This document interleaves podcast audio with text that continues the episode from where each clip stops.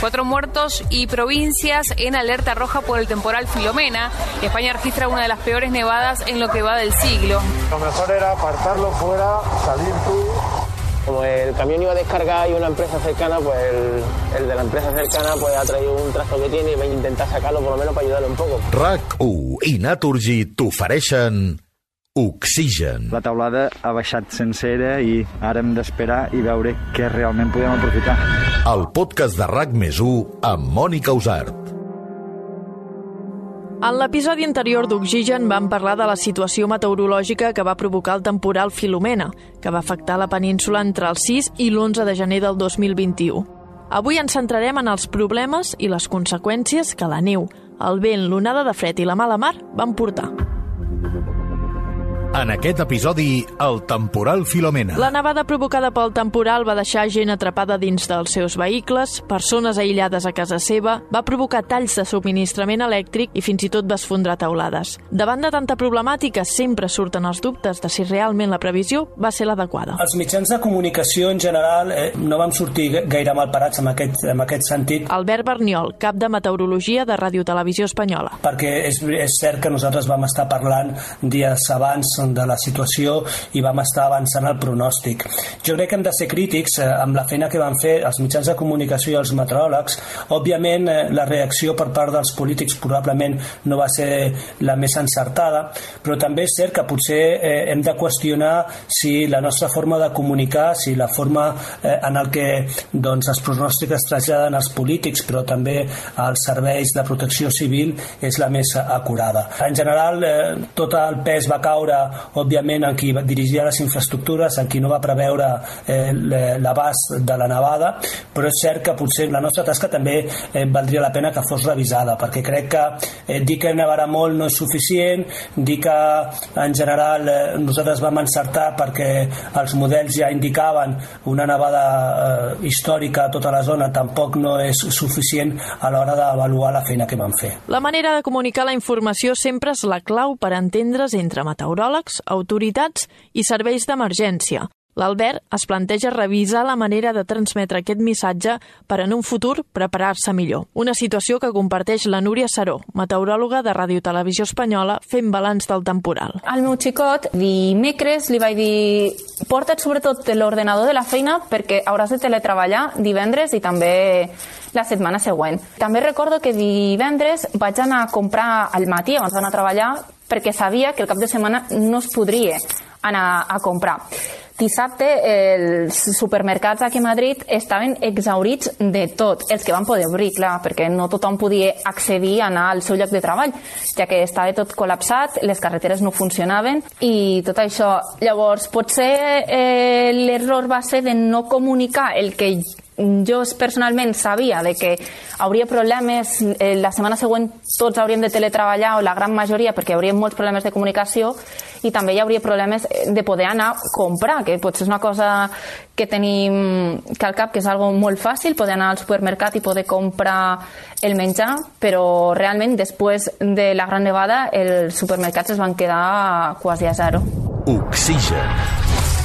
Gir de guió inesperat. Avui havíem de viure un diumenge de ressaca del temporal que no havia de portar gaire mal de caps, més enllà de quatre carreteres tallades i poca cosa més, però les imatges de postal han deixat pas als problemes. La borrasca Filomena s'ha reactivat amb molta més força del que indicaven les previsions i està deixant gruixos de més de 60... Els problemes derivats de la situació van ser molts. La nevada es va allargar i això no feia més que complicar les gestions. A la tarda ja vas veient que això, ostres, està continuant i els gruixos ja s'estan acumulant d'una manera que comença a ser preocupant. Carles Brull, alcalde de Falset. Llavors aquí ja comencem a activar més maquinistes, treballant ja a la nit, eh, repartint també salt i, i així ens fiquem, més que res perquè no es anés acumulant gruix i no es gelés el, el, les primeres capes i poguéssim doncs, eh, anar traient neu a l'endemà si continuava nevant, perquè les prediccions ja eren que continuava. I llavors, doncs, bueno, així vam, vam estar treballant-hi fins que arriba un moment més crític que és quan marxa la llum.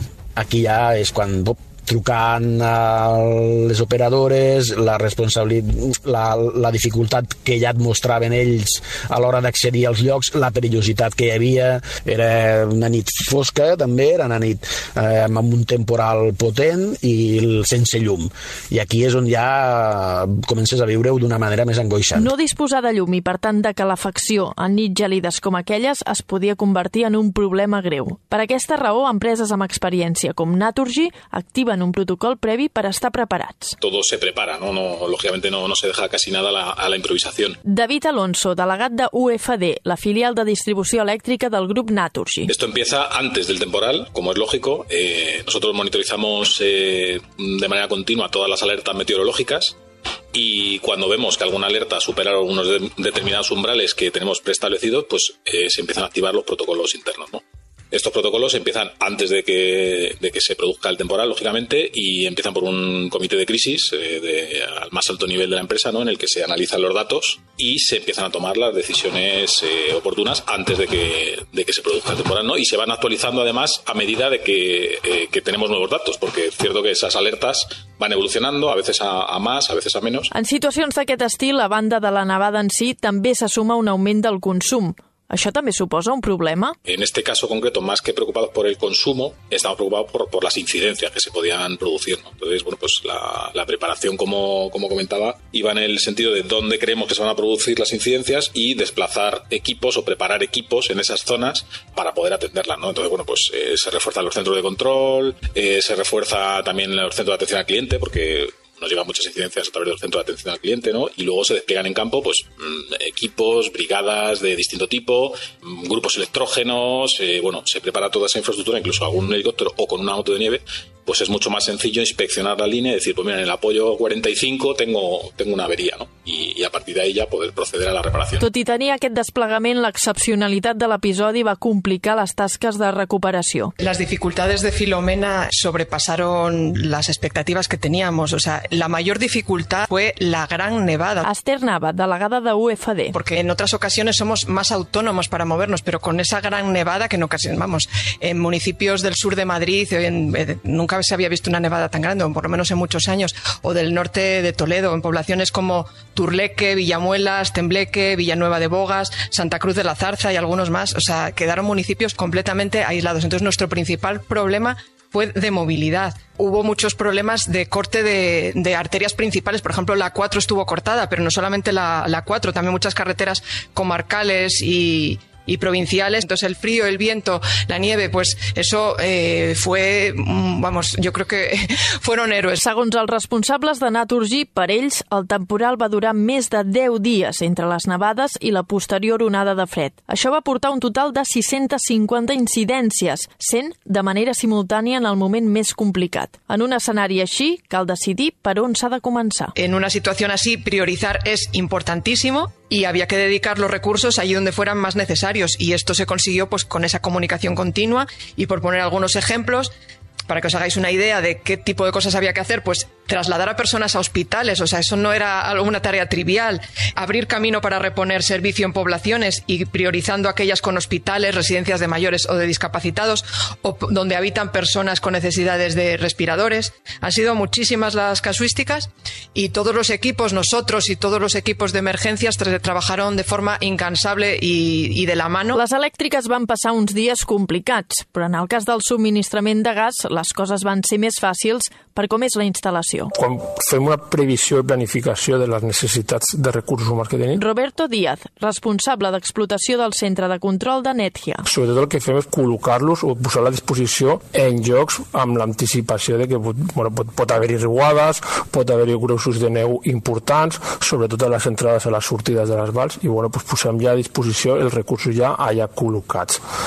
Bueno, hem de comentar que un sistema de distribució de gas és molt resistent i molt resilient a qualsevol condició i funciona autònomament, o sigui que no ha d'haver-hi cap incidència en la garantia del subministrament. Seria pues, bueno, per actuar en cas d'una situació o una urgència. Però bueno, el que fem és posar-nos a la disposició també dels agents de protecció civil per si es poden obrir via, no? que diem. Però bueno, la previsió molt important és la col·locació i l'anticipació dels recursos allà on creiem que seguiran necessaris. I en aquest cas, el balanç que es va fer de la gestió d'emergència va ser positiu? Hem de dir que molt satisfactòriament, perquè també bueno, pues, han planificar un exercici com el que varen sofert pel tema de Filomena o altres temporals pues, requereix una planificació important. No? I bueno, pues, pel cas de Filomena en concret, pues, bueno, la dedicació, la intensificació de recursos per planificar tot això va ser en dates complicades, quan hi dates complicades són les dates de Nadal, no? quan molta gent està preparant o està pensant com celebrar aquestes dates amb la seva família i bueno, pues, varen de tindre que planificar per poder garantir amb èxit de que podríem abastir de d'energia pues, a totes les llars de Catalunya. I tot i els problemes que aquell dia van tenir, van ser molt menors al d'altres sistemes de distribució d'energia. Per què? El sistema de gas és molt resilient i molt flexible, no? Són instal·lacions que estan soterrades i bueno, pues, tenen un impacte menor en condicions adverses meteorològiques, no? L'ho hem vist en Filomena, l'ho hem vist amb les diferents danes, no? O sigui, nosaltres al tindre instal·lacions soterrades i molt poquita instal·lació aèria, pues, ens afecta poc i bueno, pues al final no deixa de ser pues, un sistema de distribució d'energia que es garanteix molt bé en cas d'aquestes situacions, no? o com va passar el 2010 amb les nevades que va haver a Catalunya, no? que bueno, pues l'impacte sobre l'usuari final al final és molt reduït, no? no com altres bueno, pues com el sistema elèctric, no? que pot veure molt més afectat que, no, que el que és el sistema gasista.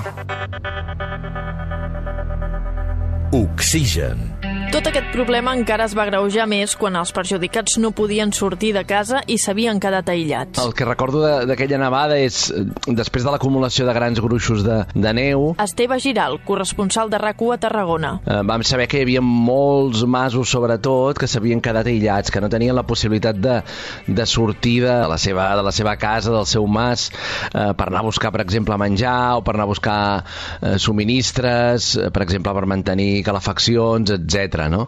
I, I sí que els hi funcionaven, per exemple, les xarxes de, de telèfon, sobretot les fixes, recordo que també la, la cobertura mòbil va patir molt, i parlar amb ells en masos, de, per exemple, a la zona del, del Priorat, i que ens explicaven doncs, com es plantejaven la, la següent setmana. Sí que és veritat que són masos que estan pensats molt per ser molt autosuficients, i la majoria, per exemple, amb el foc a terra, amb l'estufa de llenya, es podien mantenir escalfats, sí que tenien sempre aquell punt d'angoixa de saber que no pots no pots sortir d'on ets i, per exemple, si tens alguna emergència mèdica, pots, eh, pots passar-ho malament. Obrir els camins per accedir a aquestes zones es va convertir en una de les prioritats, però el temps no ho posava fàcil. L'endemà continuava amb la nevada, continuava nevant. Carles Brull. No sabíem si pararia o no pararia, es parlava cap al migdia, cap a la tarda, però clar, els gruixos eren molt importants.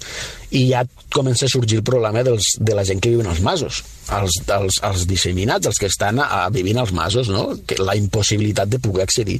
Tant a ells desplaçats i saber si estaven preparats o no si estaven preparats, si tenien prou menjar nosaltres vam començar a trucar-los, a, a contactar eh, estàvem en, en contacte amb ells i sabíem que estaven tots doncs, bé el dilluns eh, tot allò va ser, nosaltres ja vam ficar més de 30 màquines treballant per poder eh, accedir a, sobretot a tots els masos i poder facilitar l'accés d'aquesta gent i que poguessin desplaçar i també poder facilitar l'accés de la gent que ja pogués també anar a circular pues, amb, una, amb una certa normalitat, cosa que era bastant improbable. El diumenge a la tarda mm, era molt improbable, però el dilluns al migdia vam començar ja a veure, a veure la llum. I quan comencen a veure la llum en aquest aspecte, la complicació se centra en l'esfondrament de taulades. Arriba un moment que succeeix una cosa que ningú esperava, que s'ensorra una taulada de la fàbrica més gran que tenim a Falset, no? de, de la fàbrica de sensors de Fermator s'ensorra la meitat d'aquesta coberta, en la qual això va augmentar i va magnificar tot el que estava succeint. I amb motiu, eh? Vull dir, amb motiu s'havia ensorrat sort, que es va ensorrar el diumenge a la tarda, i en aquell moment no hi treballaven operaris, no? Amb el resultat de que a primera hora, crec, de l'endemà, o a la nit, o a primera hora del dilluns, i, sense lamentar cap, cap eh, dany eh, doncs, eh, a cap persona, pues, s'ensorra l'altra meitat. Llavors ja era tot ensorrada, no? Puf, eh, allò eh, parlant amb els de la fàbrica, bueno, tal, no sé què, vam, vam tenir la visita del govern, vam tenir la visita de, de... Però, bueno, era una situació complicada, la tenies al carrer, la tenies a les cases, eh, també amb les taulades, perquè començaves a...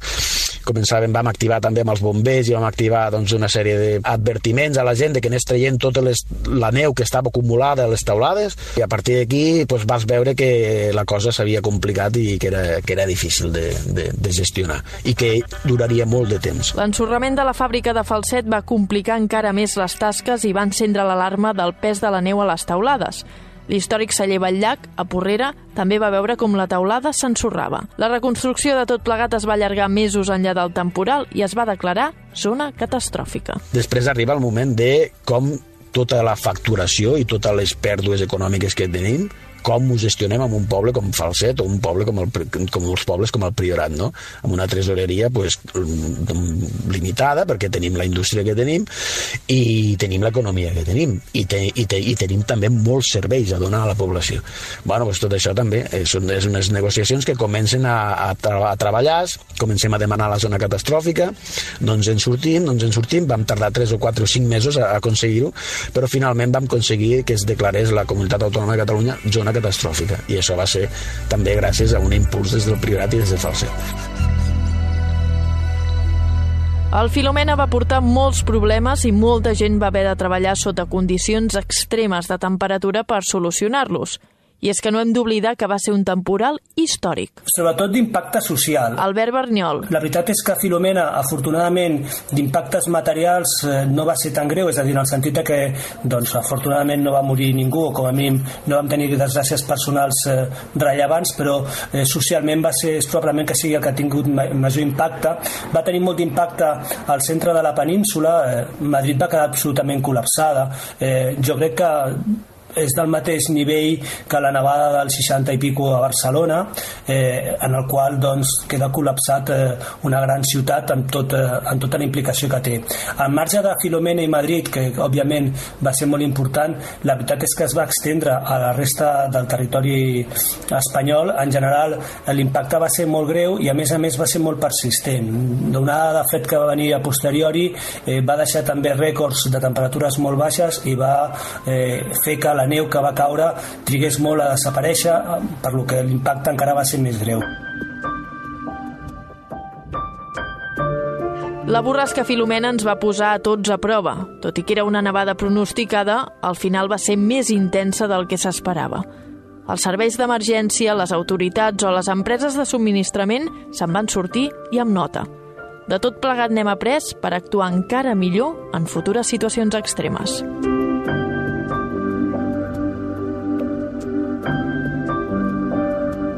RAC1 i Naturgy t'han ofert Oxigen, el podcast de RAC més amb Mònica Usart.